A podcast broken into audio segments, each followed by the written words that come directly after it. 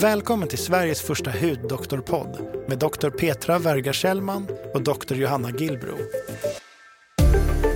Johanna och Petra kommer hjälpa till att guida er genom allt som är värt att veta om vårt största organ, nämligen huden. Här pratar de om aktuella ämnen, svarar på lyssnarnas frågor, sorterar bland myterna och diskuterar den senaste forskningen när det gäller hud, hudsjukdomar och hudvård. Den här podcasten presenteras i samarbete med Skinom och Diagnostiskt Centrum Hud. Hej Petra! Hej Johanna! Nu är vi här igen. Ja, det är så himla kul att vi har fått... eh, Det känns som att det är fler och fler som lyssnar. Ja. Vi blir så himla glada. Ja, det blir vi verkligen. Och vi får bara fler och fler mejl. Så det är, ja, men det är riktigt kul faktiskt. Ja, det är det. Det är men nu jätteroligt. Tack börjar för det. Här på måndag igen. Vi har ju kommit Ja. på att måndagar är vår dag, men vi kanske ska ändra, Ja. ändra till någon annan dag här. Men ehm, För att vi är lite piggare då, tänker du? ja, Ja. jag vet inte, man är lite... Seg, mån, måndag morgon seg Ja, liksom. måndag Ja, morgon egentligen borde seg. man vara superpigg för Ja. det är liksom början på en ny härlig vecka. Men eh, det verkar inte funka riktigt på oss. Nej. Hur var, hur var din helg annars? Ja, hur var min helg? Jag kommer inte ihåg, eller på att säga. Jo, nej men det, den har varit, eh, den, oh gud, den har varit, den har varit helt okej. Jag, har faktiskt varit, jag jobbar ju i Norge med jämna mellanrum för att, eh, ja men det har jag sagt förut tror jag, är på det här eh, lilla sjukhuset långt, långt, långt, långt upp i norraste Norge. Kirkenes? Kirkenes, precis. Ja. Där, där liksom, eh, ja men typ där Europa tar slut faktiskt. Både åt, åt norr och åt eh, öster. Liksom. Mm. Så att eh, det är Spetsbergen utanför och ryska gränsen en kvart. Oj, ja, oj, precis. häftigt. Så det, är- ja, men det är jättefint, det är otroligt fint och vacker natur och allting. Så, Ja. så att jag har faktiskt varit där och jobbat, eh, som jag brukar göra några veckor då och då. Och eh, varit faktiskt isfiskat, just det. Det har vi gjort. Just det. Fick ni någonting? Eh, jag fick inget, men min kära sambo, han fick 12 Tolv rödingar. Nej. Jo, Vad gör han som... inte- steker dem. Ja, men hur, hur, Jaså? hur får han dem? Nej, borrar hål i isen och sen är det så här, vi går till ett ställe alltså där det, folk isfiskar ju. Det är ju en ganska het aktivitet där uppe i norra Norge. Det är det Så- man gör där. Det är det man gör Ja. där. Så att det finns ju redan små hål. Så man, vi, vi skidar ut på isen och sen finns det ofta på olika ställen finns det ju redan hål Mm. gjorda. Och så står det någon kvist så att man vet ungefär var hålen är. Men alltså det är sådana någon decimeter. Och sen så stoppar man ner ett fiske, ja men lite så här typ fiskespö. Eller så inte, fisk- man stoppar inte ner spöet, men man, man stoppar ner själva draget med några små stackars maskar längst ner eller någon fläskbit eller ostbit. Det går också bra tydligen. Och sen om de finns där, då kommer de och sen så nappar de och så får man ta, dra upp dem genom, eh, genom det här eh, runda hålet i isen. Men det går inte att få jättestora fiskar då? De här hålen är ganska små. va? Ja, nej det gör det ju inte. Alltså de, nej, men de är typ kanske så en decimeter eller 12 centimeter eller sånt där i diameter. Så att, eh, nej men det, nej, det, det går ju inte att få upp liksom tonfiskar där, men det finns inte sjöarna ändå. Så det, men, eh, men, nej, men, så de, nej men så det var faktiskt jätte, jättetrevligt och eh, de är så goda när man steker dem. Så det var Ja. kul. Så att det är det jag, fast det gjorde jag i förra veckan så det har jag inte gjort i helgen. I helgen har vi, ja, nej, det, ingenting direkt kom jag på. Jo, nej, tagit lugnt. Härligt. Ja, men du har gjort lite mer äventyr i helgen. Ja, nej, jag var faktiskt på eh, en liten kurs hos eh, eh, Sanna Lundell som eh, handlade om natural eh, horsemanship och så var det lite yoga också. Så Wow. det var, ja, det var faktiskt eh, väldigt, väldigt, väldigt kul. Och, Nu ska jag säga yoga och horse. Alltså nu får du förklara. Ja. Horse eller? Det, det, mm, hon använder ju en, en... Det är ju westernridning egentligen hon håller på med. Mm. Och, eh, men också en speciell metod som heter natural horsemanship. Wow. Ja, Vad gör man då? ja eh, nu ska inte jag eh, utnämna mig till någon expert här. Så att, men, men vad jag förstår, så, och det var faktiskt väldigt intressant när hon berättade, att eh, svenska ridsporten, den kommer ju från tydligen att man Ja, men efter vi hade haft krig och sådär, eller använt hästar i militärtjänstgöring och mm, ja, så fanns det väldigt mycket, när vi ned, mm, monterade försvaret så hade vi tydligen väldigt mycket hästar som vi behövde göra någonting med om vi inte skulle ta koll på dem. Och Äta då, eh, och jag vet inte exakt, men det här måste väl ha varit, jag vet inte, på 40-50-talet kanske. Och eh, då så startade man ridskolor och tänkte att alla ska få mm, möjlighet att rida. Eh, och jag gick ju också på en ridskola när jag var med? liten på 80-talet. Eh, men, eh, men de som var ridlärare då, som kunde rida och som man satte på de här stallen ofta, det var ju militärer och så var det även för mig, kommer jag ihåg nu. Ah. Det har jag inte tänkt på. Men då på eh, 1984 eller 85 eller någonting när jag började rida så, så var det ju faktiskt så. Ridläraren var en militär. Aha, okej. Och Det hade inte jag. Jag hade en, en ridtant. Jaha. ja, ja. Hon var Nej inte någon Nej, militär. då, det var Nej. inga... Nej. Här, det var... Mm. Spännande. Men vi kom... Mm. Nej, du red inte där. Nej. Kommer från, båda från Göteborg. Ja. Men, eh, nej, och det, det är ju faktiskt ganska militäriskt den här rid, alltså svenska ridsporten. Inte tänkt på. Att man ska liksom tygla hästen Mm. och det är bett och det är Mm. liksom det. dra i munnen och man ska styra och, och sådär. Och, och det här, den här metoden, det, den kommer ju från mer, alltså mycket längre tid tillbaka. Hur, nej men det var väldigt intressant hur man, nej men hur man skapar en trygghet hos hästen Mm. Innan man då börjar med den upps, uppsuttna. Att, att, och att, att vara med hästar, det är ju så mycket mer än att bara rida. Och så är ja, det ju. verkligen. Så att Mm. vi, eh, det var ju bara markarbete, alltså att man, eh, man, eh, ja, man försöker skapa en trygghet och tillit hos eh, hästen. Mm. Men det var inridna hästar och sånt? Alltså de var ja, det var det. Ja, Ja, ja. Fast jag vet inte, den kul. hästen som jag hade var bara tre år, så jag Ja. vet inte hur. Gud vad kul! Ja. Ska du några fler gånger få, Ja, jag vill få bara proppa och- mig med allergitabletter innan? För det, ju, Ah, det du tog ju slut. eh, Det, det, det, ändrade ju min ridkarriär. Liksom, Ja. att, eh, jag, blev, eh, jag började ju rida när jag var typ sex år och sen har jag också hållit på och ridit i alltid och hyrde häst och lite sådana grejer. Men sen när jag var typ 18-19 började jag känna att jag blev så himla snuvig jämt ständigt när jag var i stallet och sen blev jag alltså, tokallergisk mot hästar. Så att jag kan liksom inte hålla på med det men jag kan eh, ta en tur då och då om man så säger och så bara preppa mig lite med allergitabletter innan. Men, men det är inte så att det går om man skulle ha- liksom, ja, hålla på regelbundet, det blir för jobbigt. så, Ja, att, ja, ja. så det är sorgligt men Ja, vad trist. ja, ja men vad härligt det låter. Ja, men det var faktiskt det var väldigt, väldigt kul. Så Mm. det, Fick du någon hästkontakt? Fick du någon kontakt med hästen? Ja, men det Ja. fick jag faktiskt. Så, och det är ju helt fantastiskt Mm. det där med att vara med, med djur, Mm. hundar och hästar. Och Verkligen. det, nej, det är underbart. Mm. Kul! Vi har ju fått eh, väldigt mycket frågor och som sagt, helt fantastiskt att ni mejlar Ja. in. Och fortsätt jättegärna med det. Så det är hurdoktorerna.gmail.com. Och eh, vi har fått här en eh, fråga bland annat om ljusbehandlingar, bu eller bä. Och då är det en kvinna som skriver Hej, tack för en eh, jättebra podd. Jag undrar vad ni tycker om LED-ljusbehandlingar som finns för akne och diverse hudproblem. Tänker då främst på de svindyra masker med ljusdioder som finns för hemmabruk för akne och den utförs också på vissa kliniker. Finns det någon forskning på detta och har ni själva någon erfarenhet av dessa? Mm. Och, eh, ja, men jag är intresserad av vad du tycker Petra, men eh, jag, jag har inte sett, eh, för det är ju blått ljus i de här.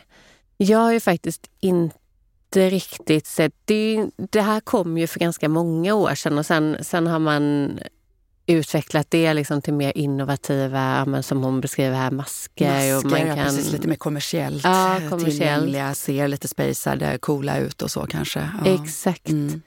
Men ehm, det, har ju, alltså det här har ju... Eh, jag kommer ihåg redan, ja men det var väl så här 2005 eller någonting, då hade det där börjat komma. Om man eh, använder det, vad jag förstår, lite på hudterapeutkliniker och sådär. Men ehm, ja, jag, för mig är det ingenting som... Eh, det finns ju inte sådär väldigt starka evidens för att det ska göra, eller få dramatiska resultat. Nej, det är väl det liksom. Det, nej, precis som du säger, det beror på vad man har för förväntningar. Mm. Men om man vill ha några mera ordentliga resultat så tror jag inte att det är kanske det jag skulle välja eh, att eh, varken utföra eller rekommendera. Dels kan man säga att det finns ju massor av bra behandlingar som ger resultat. Varför ska vi alltid hitta på något, något ja. liksom nytt? Vem är det som, vad är det för, ja men det är lite sådär att åh ljus, då ska det vara så liksom, ja för man vill inte ha mediciner ungefär, då ska det vara naturligt. Men det är väl inget naturligt på det sättet heller med ja, blått ljus. Så. Jag, jag, tycker det är mer av en hype än, än, än eh, och jag säger lite som du, jag har inte sett några övertygande eh, vetenskaplig dokumentation. Även om allt, vad, alla som gör reklam eller marknadsför sina eh, det här hamnar väl någon, ja, eller i, i, sin utrustning, eller vad jag ska kalla det, med sig ju alltid vetenskapligt undersökt och vetenskapligt bevisat. Men det där är ju inte ett, ett, eh, ett, ett eh, C-märkt begrepp heller. Liksom. Så att eh, det kan ju man använda lite hur man vill. Eh, så att, eh, och jag tänker, eh, jag vet att det har ju florerat även i i, bland oss läkare, mm, att man har fått ta ställning till det här. Och, och vi gör, det görs ju med jämna mellanrum riktlinjer för till exempel aknebehandling, vad som ska ingå i så kallat offentligt finansierad vård och sånt. Och där har man ju, där, där krävs det ju att, att det ska finnas vetenskapliga på riktiga, riktiga vetenskapliga bevis så att säga, enligt då lite högre kriterier kanske, att för att, att, eh, för att man ska godkänna att det används inom eh, inom att det det som är offentligt finansierad vård. Och det har man aldrig kunnat se några sån tillräcklig effekt så att säga. Varken blått ljus, rött ljus, det har varit lite olika. Mm. Sånt där. Så, att, så att det har man väl, det är ingenting som om man säger den medicinska vården kan rekommenderas. Sen är det säkert inte farligt heller, men jag, kan inte, jag ser inte liksom vitsen riktigt. Och det, det, är så att säga, det, finns ju, det finns ju bra behandlingar helt mm. enkelt. Mm. Massa andra. Så att har man mycket akne så skulle jag nog köra på liksom behandlingar som man vet fungerar. Än att kanske testa mig fram med sånt som bara kostar pengar och inte kanske ens ger någonting. Mm, precis. Och när vi väl pratar om det här, nu, nu är det LED-ljus och blått ljus främst det som hon frågade om här, men sen finns det också till exempel som faktiskt används i, i vården, det är ju andra ljusbehandlingar som UVB-ljusbehandlingar. Och där ser vi ju faktiskt eh, effekt, även om inte heller det oftast Det är ju ingenting är... som man använder mot akne. Nej. Men man använder det, precis som du säger, för andra inflammatoriska hudsjukdomar. Ja. Framförallt då framförallt psoriasis och eksem tänker jag på. Och, ja. Men det är klart att har du eksem och, och får ljusbehandling för ditt eksem så kan ju även aknen tillfälligt bli bättre. Ja. Det är det del som upplever. Och det finns ju en ny studie här som du visade precis innan vi startade här ja. om eh, just att, att eh, och det här var väl främst då UV-ljus generellt, mm. alltså från solen, solljus. Att det... Ja, precis. Det handlar egentligen, egentligen är det en reviewartikel om, eh, om just akne. Och här har man då hittat ytterligare, visserligen själva artikeln handlar om att egentligen, ja, man har hittat ytterligare samband då mellan olika eh, faktorer som driver inflammation i huden, då, alltså akneinflammation. Och där man listar då, vilket vi många gånger har pratat om tidigare, egentligen såklart genetiken. Vi vet att, att akne är starkt genetiskt och vi vet att det finns förstås enskilda individer som menar och som tycker att men jag har ingen i min familj som har akne och så. Och det är ju man säger, det är inte bara en eller två gener utan det är en kombination av gener. Så att även om du inte har någon i familjen eller syskon eller så som har akne så kan man ju ha otur att ärva en sån kombination av gener som gör att man själv ändå blir aknebenägen. Det kanske var faster som hade mycket akne eller någon, ja, någon annan så. Men, så genetiken spelar roll och även omgivningsfaktorer. Och det vet jag inte om, vi har, men, men alltså man menar ju att luftföroreningar och sånt kan, eh, återigen handlar det här om att ändra mikrobiomet antagligen mm. och driva inflammation. Och här skriver man då också UV-radiation, alltså ljus, uh, UV-ljus helt enkelt. Och det, när man tittar på det så reagerar man ju lite grann för att vi rekommenderar ju, eller ja, jag kan säga, vi kan inte säga att vi rekommenderar ljusbehandling för akne, det är egentligen fel. Men de vi vet ju att de flesta, säg patienter, ungdomar, många gånger med akne, ofta blir bättre på sommaren. Mm. Så, så att absolut med reservation för att man inte får översola och riskera att liksom bränna sig och få problem längre fram, så är det klart att vi kan ju ändå rekommendera, om jag så säger, att, att man passar på att få lite solljus mm. på, vint- äh, på sommaren när man har, har akne. Men det finns då, det här, jag tror inte, det här är väl inte riktigt klarlagt, men det finns ju då studier som menar på att man ser ett samband med att många blir ju bra på sommaren då under tiden man är i solen, men att man får flares, alltså att man blir mycket sämre sen på hösten. Och kopplar då det till att solen eller UV-ljuset trots allt är inflammations, liksom, har en viss inflammationsdrivande effekt, ungefär som det kan ha vid rosacea. Och här, ja, jag, jag kan inte, jag har inte riktigt, för du och jag diskuterade det här och frågan är, jag har tänkt med tid, visst har man observerat sådana, det här liksom sambandet, men då har jag tänkt mig mer att ja, men det finns väl då att de har väl effekt av ljuset under, eh, under tiden man är i solen så blir det bra och sen är det väl mer att aknen kommer tillbaka för att då försvinner mm. ljuset. Så har jag kanske mera mm. tänkt. Men här mm. i de här studierna då, som ändå inte är eh, som ändå är ganska välgjord så menar man då på att, att det till och med ska vara då så att man att det triggar liksom, i efterhand. Ja, alltså jag tror ju mer, för absolut, alltså bränner man sig och orsakar skada på huden, då är UV-ljus definitivt inflammationsdrivande. Mm. Men man använder ju faktiskt UV-ljus och UVB-ljus då specifikt för också den immunosuppressiva mm. effekten. Och det är ju inte inflammationsdrivande Nej. då. Men, så där, ja. därför tror jag att, jag, jag tror faktiskt eh, att det är, ja men precis som, som du sa där, att, att man har den här immunosuppressiva effekten då under sommaren i det här fallet med akne och sen så slutar man med UV-ljuset och då får man en inflammation på grund av att man tar bort den här immunosuppressiva mm. effekten. Som att det lite liksom, tänker du dig en rebound eller mer att det bara kommer tillbaka? Liksom? Ja, nej, jag tänker rebound. Ja, alltså på något sätt någon form av ökad inflammation som, som liksom triggas. Ja, ja det jag tänker, alltså, ja, det här är ju så komplicerat eftersom eh, ljuset i så många andra fall faktiskt eh, dämpar inflammation. Men tänk om talgkörtlarna är annorlunda. För jag tänker vi också det vid rosacean där då, vi vet ju att eh, när, när vi är i solen så bildas ju ändå proinflammatoriska substanser, alltså inflammationsdrivande ämnen, sådana här katalecitin och och, det vet vi ju Katria rosacea däremot. Mm. Men jag tänker varför skulle talgkörtlarna liksom inte... Ja, fast det är ju andra mekanismer. Liksom. Här, det man anger som förklaring här är ju egentligen inte... Eh, de, de säger ju ingenting om den här, det som du och jag nu spe, spekulerar kring, kring inflammationen utan de menar ju att UV-ljuset ändrar helt enkelt mikrobiomet. Ja. Och att det är det som... Så att, eh, Ja, det, och det där är ju så intressant. Ja. För, för vi, det återkommer vi till i många, i många av våra diskussioner mm. att det är allt, det mesta har ju någonting att göra med mikrobiomet och sen hur, hur mycket liksom moduleringen av mikrobiomet har klinisk relevans, det vet ju egentligen ingen Nej, idag.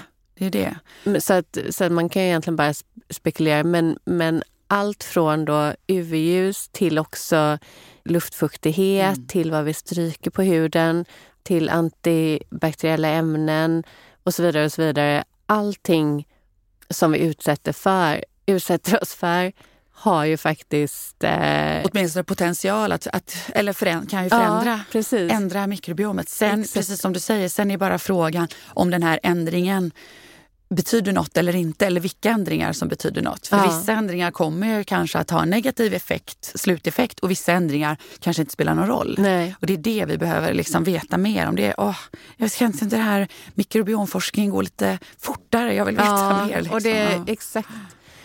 Precis, så mikrobiomet är ju väldigt, eh, väldigt, väldigt intressant och det kommer ju studier hela tiden skulle jag säga om mikrobiomet. Sen är det jättesvårt att navigera i det här. Vad är det som verkligen har betydelse och Mm. inte? Och, Som vi sa, det känns som att man, alltså det, det är lätt att detektera eventuella förändringar. Mm. Och det kan man ju mäta typ. Men att därifrån koppla det till, okej men vad har, det, har, den lilla för, har den förändringen någon klinisk betydelse Ja. eller inte? Där är det ju, känns det ibland som rätt så spekulativt hittills. Det är väl lite som det som vi pratar om nu med ljus eh, och akne. Liksom, att ja, men exakt. det, det, visst, det ändrar mikrobiomet men ja, kan det vara det som förklarar till att man ser en flär ibland efter sommaren eller är det helt andra förklaringar? Ja, men precis. Och, men det fin- jag hittade precis en, en eh, ny studie här från, den är ju väldigt ny, från april 2023.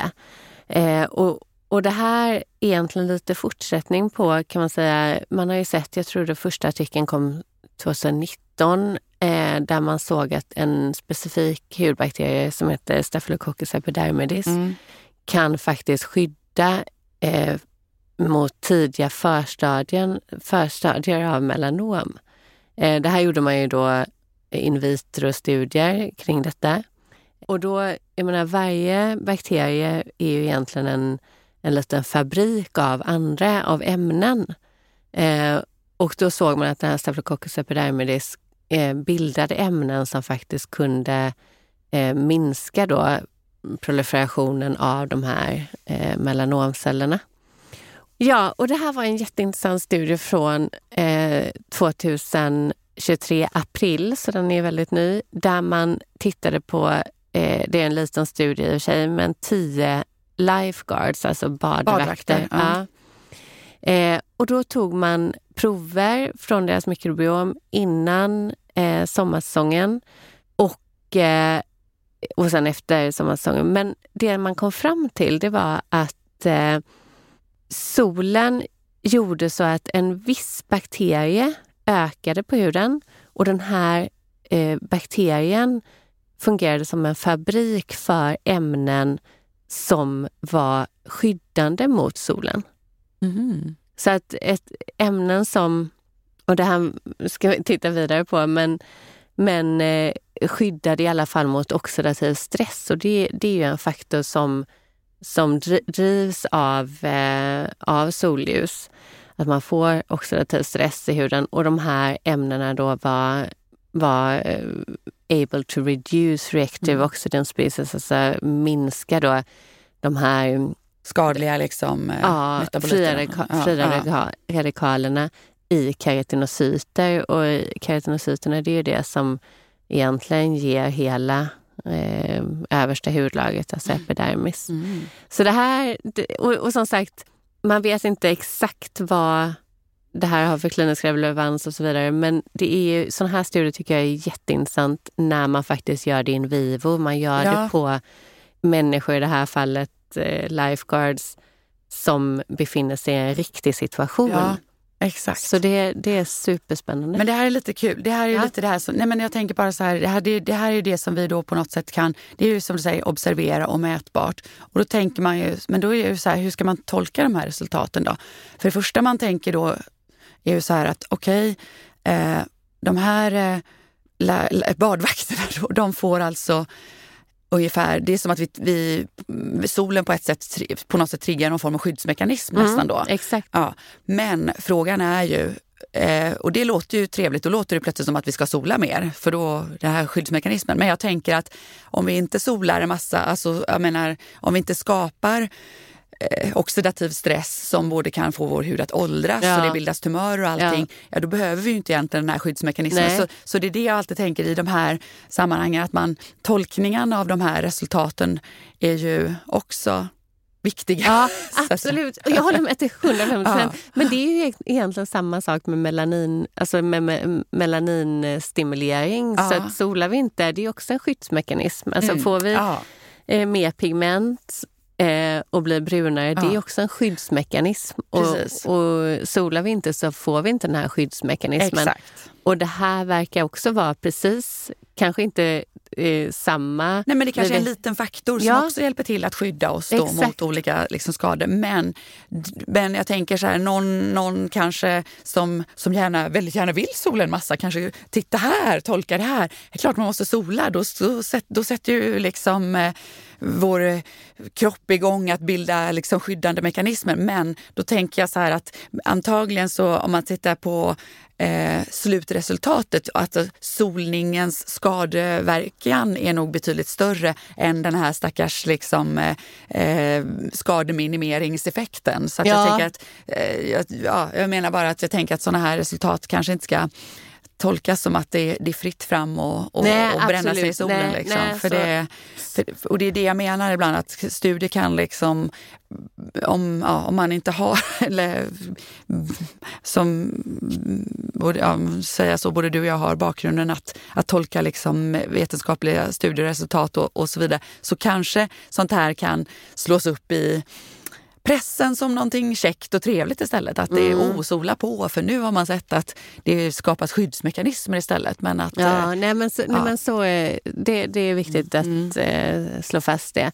Men sen handlar det precis som vi har sagt, det handlar ju alltid om balans. För det är Exakt. inte heller bra att helt avstå från absolut sol. inte. Nej, det är klart att behöver. Eh, så att, eh, och har man liksom i vissa kulturer där man faktiskt eh, täcker sig helt, också ansikte och händer och så Ja. vidare, då, får man ju många bristtillstånd, absolut. så att det handlar om balansen. Men det är Exakt. Mm. väldigt intressant tycker jag, Ja. hur, hur naturen och vi är, är funtade egentligen. Exakt. Att det finns så faktiskt- mycket, Mm. som, och det här med mikrobiomet och, och den skyddsmekanismen att vi faktiskt är vandrande ekosystem Mm, av mm, bakterier som hjälper oss på eh, massa olika sätt. Både med hu, i huden men även i, i tarmen och Mm. i andra områden. Det, det är faktiskt väldigt intressant och det har ju det är ju så spännande och vi borde verkligen se de här fripassagerarna som Mm. någonting som är som eh, är som vi lever i symbios med och som vi... ja, och verkligen värda att Ja. också ta hand om och Ja. värna. Men då måste vi veta mera också om vad, hur vi värnar dem och hur vi framförallt undgår att eh, förstöra dem. Ja, också. precis. Och det. när, när vi ändå är inne på det här med, eh, med skyddsmekanismer eh, och eh, för vi då pratar du också här om, om melaninproduktion. Det är också en skyddsmekanism. Och det är ju faktiskt så att eh, har man, är man mörkhyad om man jämför de här Fitzpatrick Skin Phototypes, eh, en etta och två är väldigt ljushyad. Mm, mm. Eh, och sen femma eller sexa är ju, då har man väldigt mycket EU-melanin, alltså man är mörkhyad. Och där ser man ju i individer som är mörkhyade att det är ju så att man har ju ett bättre skydd mot Oh, ja. solen. Så det, där har man ju också mätt att eh, jämför man de här två olika hudtyper, ljushyad och mörkhyad, så har man hundra gånger högre skydd i den mörkhyade individen. Ja, ja, ja. Oh, ja. Och det, av, det avspeglar sig däremot utan tvekan i eh, till exempel hudcancer, eh, förekomsten av hudcancer. Ja. Att, eh, det, det, det är klart att alla levande celler kan ju få cancer, så även mörkhyade kan såklart drabbas av melanom. Men det är oerhört mycket mer ovanligt Ja. än om du har hudtyp 1 och 2. Som då, precis som du säger, saknar skyddsmekanismen att att bild, kan inte bilda det där melaninet, det där liksom skyddande pigmentet, särskilt bra i alla fall. Nej, precis. Hudtyp 1 knappt alls och hudtyp 2 lite halvtaskigt. Mm, exakt. Och då måste man skydda sig mot solen. Definitivt. Mm. Och där, det leder oss osökt in på, för vi har fått väldigt många frågor här om eh, bus och det är ju brun utan sol. Ah, Och, eh, och där så har vi bara en reaktion i huden egentligen när vi tar på de här produkterna eh, som ger då en, en eh, brun eller ofta lite rödfärgad, tycker jag, lite orangeaktig färg i huden. Och det ger ju då inget skydd till skillnad från melanin och det är väldigt viktigt, att, det tror jag kanske inte så många tror heller, men det är ändå väldigt viktigt att, eh, att poängtera det, att den här bruna färgen som man får av brun utan sol, det ger ju inget skydd alls. Nej. nej. Och då har vi fått eh, jag tänker också bara här. säga en sak. Mm. Men det är inte farligt heller. För det, är, det tycker jag att jag har fått många frågor om genom år. Om det är farligt med brun utan sol. Och det har jag inte sett någonting som skulle vara att det är farligt. Att det, att det, att, Nej, att det är något farligt att använda det så att säga. och där, det, det är intressant. För att här har vi ju, här är ju frågan också då, vad, vad är klinisk relevans och vad inte, vad är inte kliniskt re- relevant? För jag är ju en motståndare till brun utan sol. Ja. Och det har jag varit, jag tror vi pratade om det här kort i något annat avsnitt. Ja, För berätta varför. Ja, Mm. det är för att när jag började jobba med eh, Karin Schallreuter Mm, i, eh, i England så vi jobbade ju med vitiligo-patienter och där är det ganska vanligt att man använder brun utan sol. För det är ju, det är ju en metod att liksom jämna ut hudtonen. För det, för det här fungerar också på de vita fläckarna. Så spraytärnar man sig eller använder liksom krä, i krämform så, blir man ju, så täcker man ju de vita fläckarna helt enkelt. Så det där är jättevanligt hos vitiligo-patienter. Men det hon observerade, och hon skrev tyvärr ingen publikation om detta, men det hon observerade det var att eh, det ofta förvärrade tillståndet. Man fick ofta mer vitiligo. Okej. Och jag hade, innan jag kom till England så hade jag också använt ganska mycket brun utan sol, men jag hade ju också märkt, Mm. och frågan är om det var det eller om det var någonting annat, det vet man ju inte. Nej, nej, Men jag hade också observerat att jag absolut hade fått mer Mm. fläckar. Eh, så jag slutade ju illa kvickt med det där. Eh, och det finns ju mycket, mycket faktiskt studier som visar på det, att dihydroxyaceton ger oxidativ stress. Och det är ju hela, hela problemet, eh, förutom den autoimmuna eh, aspekten i vitiligo, att vi har mycket mer oxidativ stress. Och påverkar vi det att bilda ännu mer oxidativ stress genom då att man applicerar dihydroxyaceton så, så kan man få ett förvärrat tillstånd. Mm. Så att, och jag tycker att, eh, att det kommer faktiskt fler och fler studier om det här att dihydroxyaceton faktiskt eh, i massa olika celltyper så ser man en eh, ökning av oxidativ stress. Det är mycket möjligt som sagt var och jag tänker att eh, det kan ju vara så att det är ett speciellt, vid vissa speciella tillstånd som då vitiligo som du säger, de, som då triggas och försämras av. Där kanske man i så fall ska undergå i det, just det specifika fallet. Men jag varför jag många gånger, jag har inte sett några om man säger, studier som säger att det på något sätt generellt skulle ha någon liksom skadlig effekt. Och då har jag tyckt många gånger att det är bättre att rekommendera brun utan sol än att folk går ut och bränner sig. Eller- liksom mer som ett alternativ. Använd brun utan sol. För, många, för det är ju det som många patienter säger. Ja ah, men det är så tråkigt att vara blek och det är så, ja ah, nej men jag vill ju vara i solen. Och så har man lite solskador och sådär. Då tänker jag så här, men använd brun utan sol till exempel. Så att eh, det tycker jag ändå känns tryggt att, att säga. Men då kanske jag inte ska säga det till patienter som har vitiligo i botten. Nej, det finns ju faktiskt studier som, som visar att, eh, att av, av celltoxicitet, men det, det, igen så får man vara lite, eh, ta alla de här studierna kanske också liksom rent realistiskt, för det här är en vitrostudie. Det innebär att man, man då eh, Ett provrör liksom. Ja, ja, man har en platta med celler som växer på en platta. Och då är de ju inte tillsammans med alla de andra cellerna som man brukar ha, utan man, man har tagit ut här keratinocyter, normala keratinocyter, och så har man odlat upp dem på en platta och sen så eh, sätter man till då dihydroxyaceton och då ser man eh, en 50% ökad celldöd av de här bakterierna. Så att, ja, av de här cellerna menar jag. Så att eh, i den här artikeln till exempel så, så säger man att eh, dihydroxyaceton är cytotoxiskt, alltså att eh, man faktiskt har negativa effekter av på keratinocyter.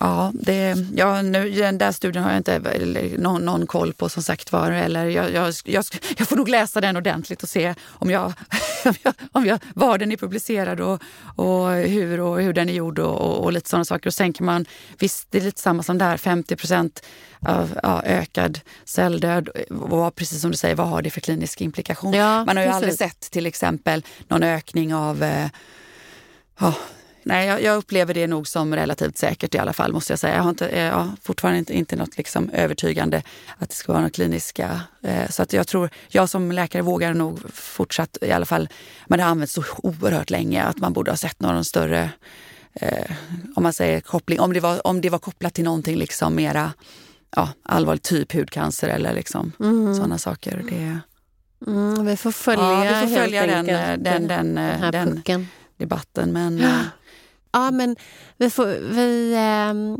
vi får följa detta eh, noggrant. Ja, brunet mm. sol. Ja, och jag är för, och, du är emot. Ja, jag är emot. jag är för. Och, och, det här är för, och jag tycker, vi har ju fått, vi fick någon fråga in så här, ja mm. men tycker ni olika? Det var något annat vi tyckte olika om och så fick vi en fråga om det. Och, och så är det ju. Att vi, ibland så tycker vi olika. Precis. Och eh, det är också för att vi, har, vi kommer från olika, olika infall, infallsvinklar och sådär. Så ja, att, precis, man har eh, läst olika saker. Man har liksom så här, och, eh, nej, men det, det, det är viktigt också, för så ser det faktiskt ut. Och jag ja. menar, forskarvärlden är ju inte heller ense om allting. Liksom. Då vore det ju ingen idé att forska. Ibland tänker jag forskning är ju som en stort kommunikationsfält också. Mm. Där vi säger liksom, men jag har tittat på det här och det här och kommit fram till det här. Och, jag tycker, ja, men, och någon annan kommer fram till något helt annat i likartade studier. Då får man ju på något sätt värdera det och då kanske man får göra ytterligare studier. och sånt där. Så, så, så där ser det ju ut på ett sätt Exakt. i forskningen. Liksom. Så att, att att om allt var entydigt, då kunde man ju sluta forska. och sen, och det finns, Emma Frans har väl skrivit en bok om eh, eh, huruvida man ska lita så mycket på expertisen eller inte. Och, och här sitter vi som två mm. experter, men jag tycker också att eh, det är ju så att ju mer man lär sig, ja, desto mer... mer inser man att eh, Inget är svart och vitt. Desto inget, mer nej. ödmjuk blir man, tycker ja. jag. Och att man både ibland får ändra sig och ibland eh, lär sig något nytt. Ja. Ibland eh, faktiskt eh, får börja ifrågasätta sina gamla sanningar och allting i takt med att saker och ting... Så det, det, så att det är nog bland de kanske viktigaste sakerna att, att, att ha ganska open-minded på något ja. sätt och inte, inte för rigid för då Nej, inte fastna exakt. i vissa föreställningar. Men, eh, exakt. Mm. Det tycker jag var en väldigt bra avslutning faktiskt och viktig avslutning. Yes. Så där nu tackar vi för att ja, ni har lyssnat. Tack snälla och det är så ja, kul att, att många vill lyssna och är positiva och fortsätt som vi alltid brukar säga och skicka frågor och eh, kommentera, lägga in ja, vad ni vill att vi ska prata om och så vidare. Ja. Ha en jättehärlig dag eller kväll. ha det bra. Hej då. Hej.